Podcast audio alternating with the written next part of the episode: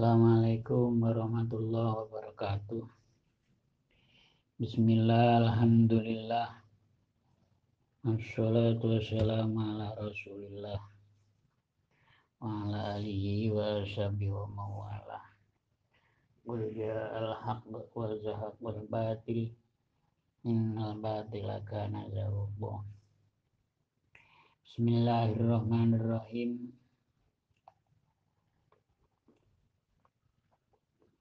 Wa ma adro kamal khutamah narullahil muqadah allati taddalu ala afidah innaha alaihim musudah fi amadin mumaddadah wa ma utawi opo iku adroga. Meruhake apa ma ing sira Muhammad? Ma iku apa? Al khutomatu utawi kang aran neraka khutomah Narullah iku genine Gusti Allah.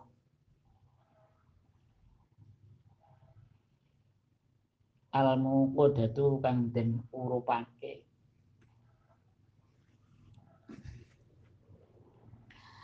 alati kang tattoli. Kang ngenani atau kang ngitung atau kang ngepung. Maupun alati ngenani ngalal afidati ing atase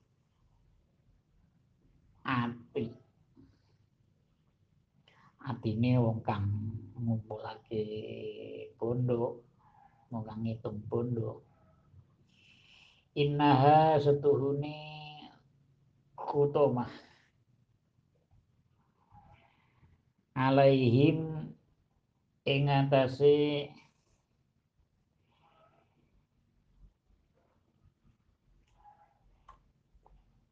humazah lumazah wong kang ngitung pondok iku muksudatun kang den tumplek. Gone numplek fi amadin. Ing dalem jerone ruangan jerone soko Muhammad dadatin kang den dawaake teman-teman ini melanjutkan surat Al-Humazah. Kemarin disampaikan bahwasanya orang-orang yang mengerumpi atau orang-orang yang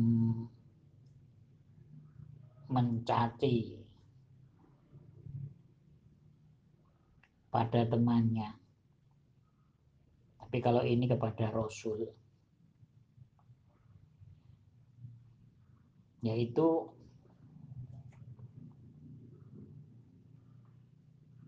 orang yang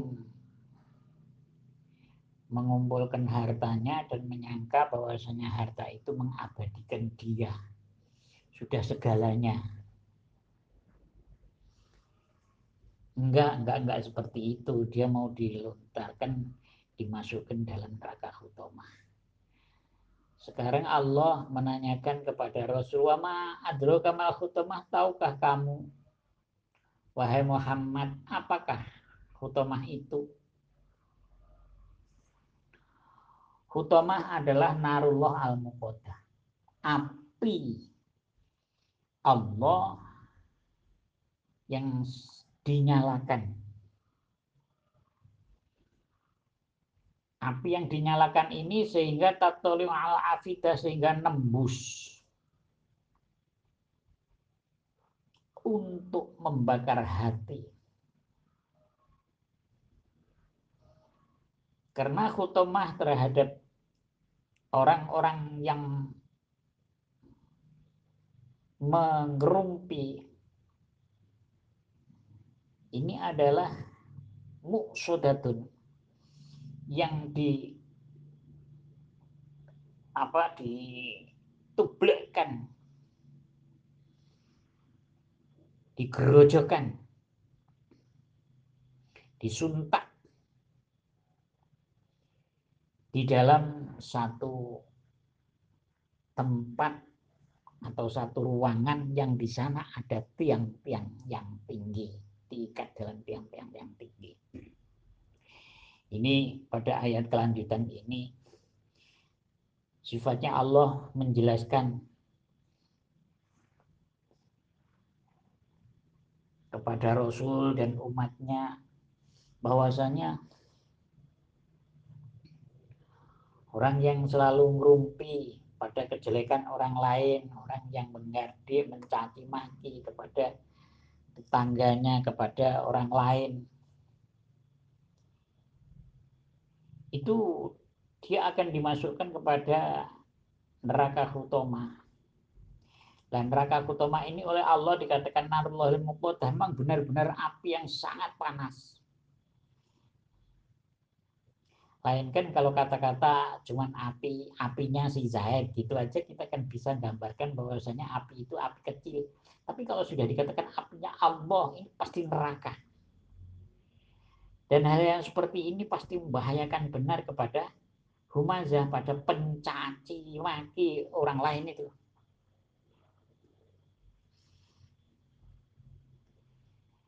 Jadi kalau sudah dikatakan narullah, api Allah yang dinyalakan, ini pasti neraka yang berkobar-kobar. Itulah balasan orang yang humazah lumazah lu. Sekarang pertanyaannya, permasalahannya.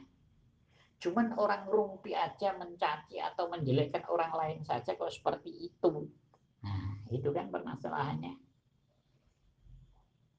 Maka dalam hal-hal seperti ini Allah pun juga menyampaikan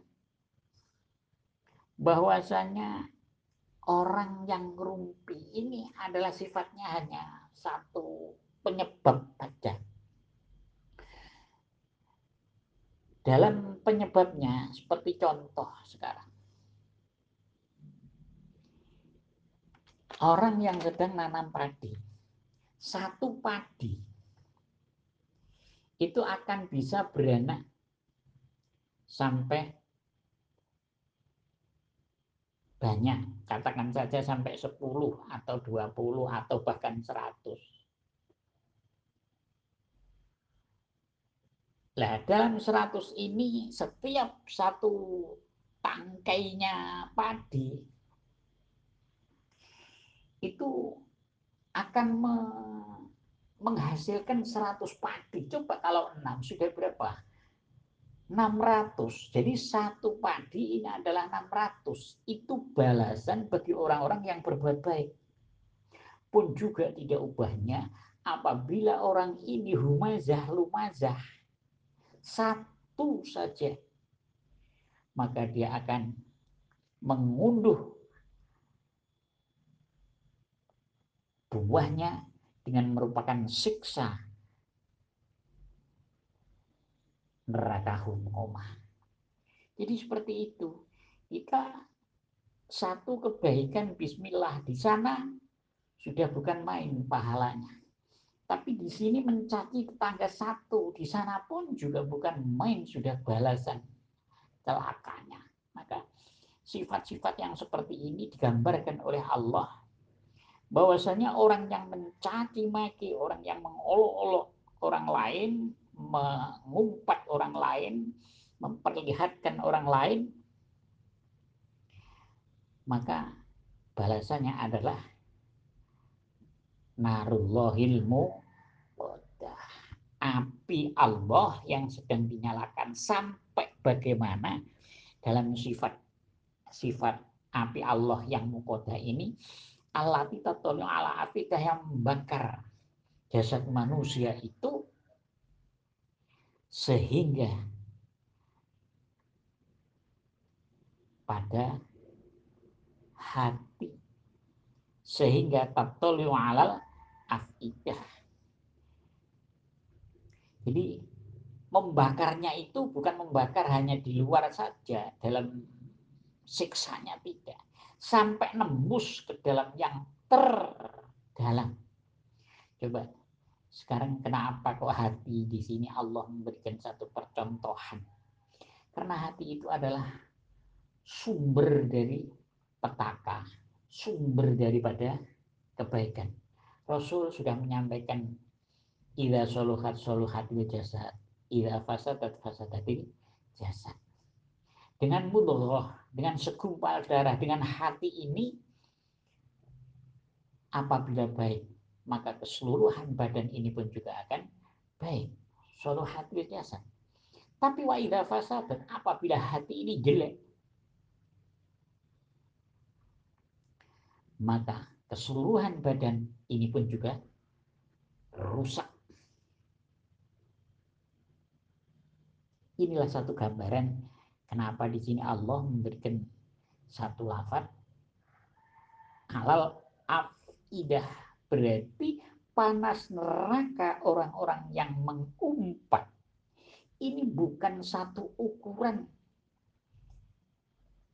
Bagi siksa manusia yang biasa-biasa bahkan ini adalah satu siksa yang benar-benar menyakitkan seperti apabila dalam pokoknya kita mencaci pada orang lain, maka orang lain itu pun juga sakit. Sakitnya di dalam hati. Maka Allah pun juga menggambarkan sakit di dalam hati yang dia dibakar oleh al-khutama. Narulmu, narullahilmu, udah itu saja masih digambarkan innaha alaihimu sudah ditambah lagi bahwasanya api neraka yang nembus pada hati ini dimasukkan dalam satu musodah. Musodah itu ditumplek dalam satu ruangan. Coba sekarang mari kita gambarkan. Kalau toh dalam satu ruangan kamar dicor ditutup terus di sana dibakar dengan siang merah-merah yang narullahil muqaddah dengan api yang membara sehingga biru. Dan ruangan itu tertutup. Kayak apa kira-kira gambarannya? Jadi bukan hanya api neraka, api jahanam yang biasa dilemparkan manusianya di sana masih bisa sambat-sambat gini dan gitu, itu tidak. Bahkan lebih daripada itu, itulah bahayanya. Orang-orang yang humazah dan lumazah, orang mencaci kejelekan orang lain. Nah, ini sehingga bagi orang yang mencaci ini, yang merumpi ini,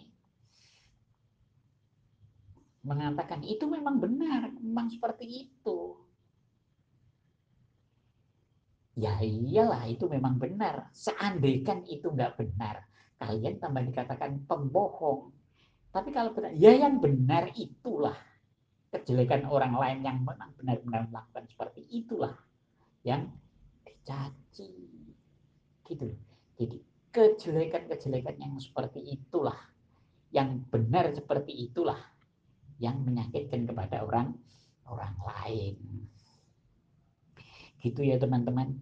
Jadi jalan inna alaihi mu'sudah itu adalah satu gambaran api benar-benar ini ada imanya sekalian.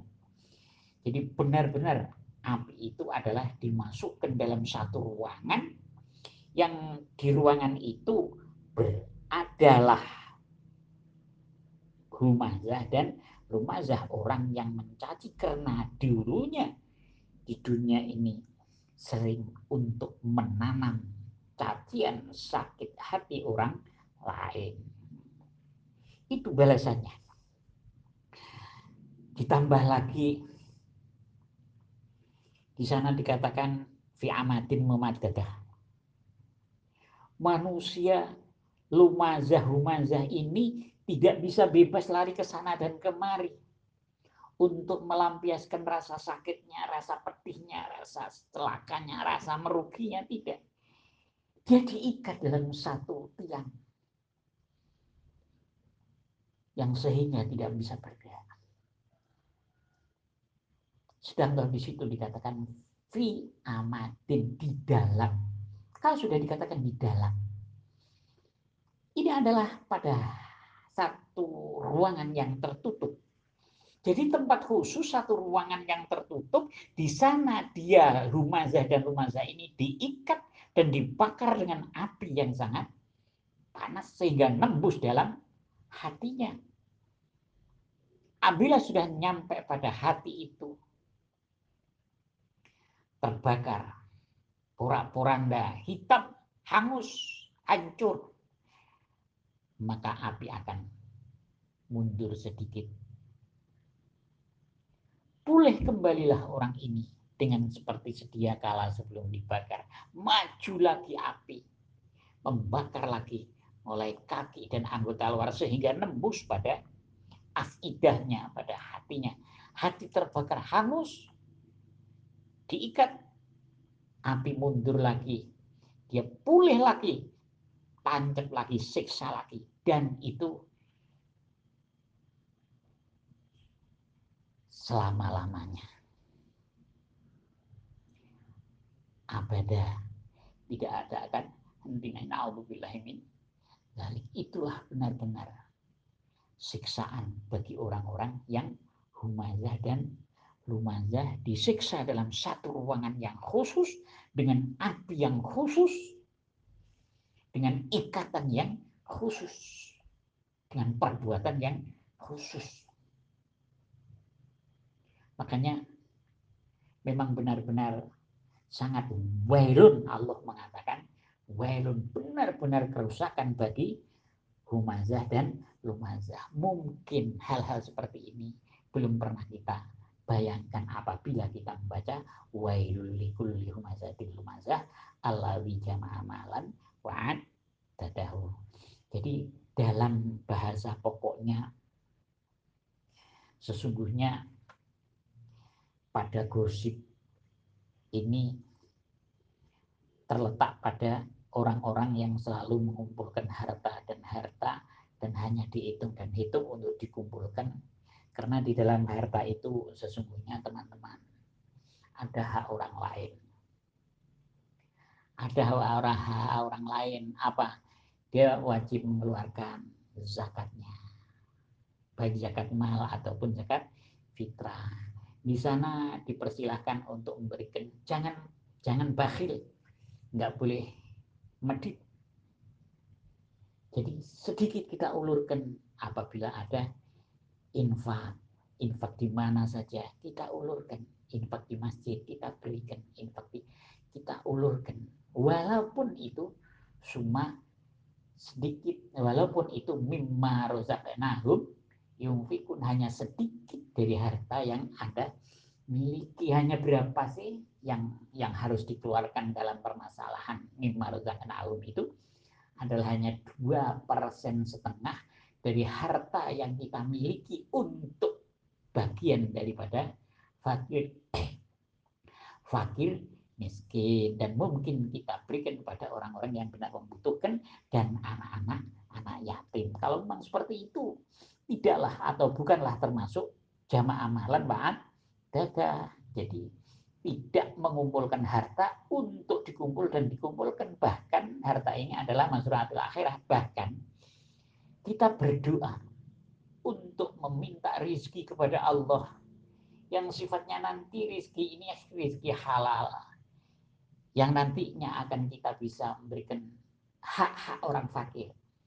Allahumma rizukna fa innaka khairul raziqin waftah lana fa innaka khairul fatihin. Ya Razzaq ya Fattah. Itu usaha yang diperkenankan yang diperbolehkan oleh agama meminta doa rizki dari Allah, harta dari Allah itu adalah hal yang dibenarkan oleh agama. Cuman apabila sudah dapat, ini loh harus kita berikan hak-hak orang lain. Dalam permasalahan zakat ataupun infak dan sodakohnya. Dan tidak tercela orang yang mendoa minta harta dan bukan dikatakan itu orang yang tidak terima, yang tidak cukup, yang selalu gelisah, yang selalu gersang dengan harta tidak. Kemarin sudah saya sampaikan bahwasanya agama kita itu adalah memerintahkan untuk kaya karena Allah memerintahkan kita untuk berangkat haji dan bikin masjid dan amal jariah dan apa dan apa yang kesemuanya itu adalah sebagai tanaman nanti di akhirat. Demikian teman-teman dalam permasalahan ini. Makanya uh, dalam surat-surat ini sungguhnya berpangkal pada memang benar-benar celaka atau kita jangan sampai tergolong daripada humazah dan lumazah orang-orang yang gosip terhadap perbuatan orang orang lain. Itu yang pertama. Terus yang kedua kita hendaknya dalam harta itu Jangan hanya disimpan dan disimpan, kita bakhil, kita medit. Tidak.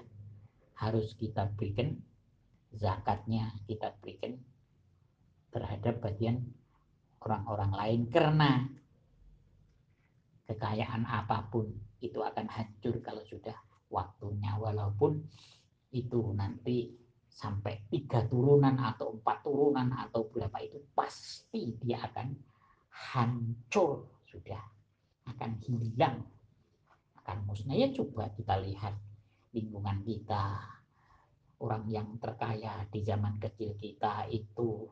Tapi di waktu mulai mulai dewasa kita oh sudah berganti itu kita sudah agak uh, tua berganti itu kita sudah sudah lansia maka berganti itu itulah ganti-gantinya daripada pemilik harta. Kalau seperti itu sungguhnya memberikan gambaran pada kita harta itu tidak tetap. Makanya mumpung kita di atas, mumpung kita diberi rizki oleh Allah, jangan hanya wa'adadah, jangan hanya dihitung dan dihitung, jangan hanya mengumpul dan mengumpul. Mari kita berikan hak-hak terhadap orang lain. Sehingga harta ini nanti jangan sampai menjadi pusat pembakaran api yang sehingga membakar pada ida begitu teman-teman ya. Semoga dalam permasalahan ini kita bisa kita diberi oleh Allah dijauhkan dari pengumpulan harta yang sifatnya hanya untuk sumbung-sumbungan dan dan apa gengsi-gengsian saja.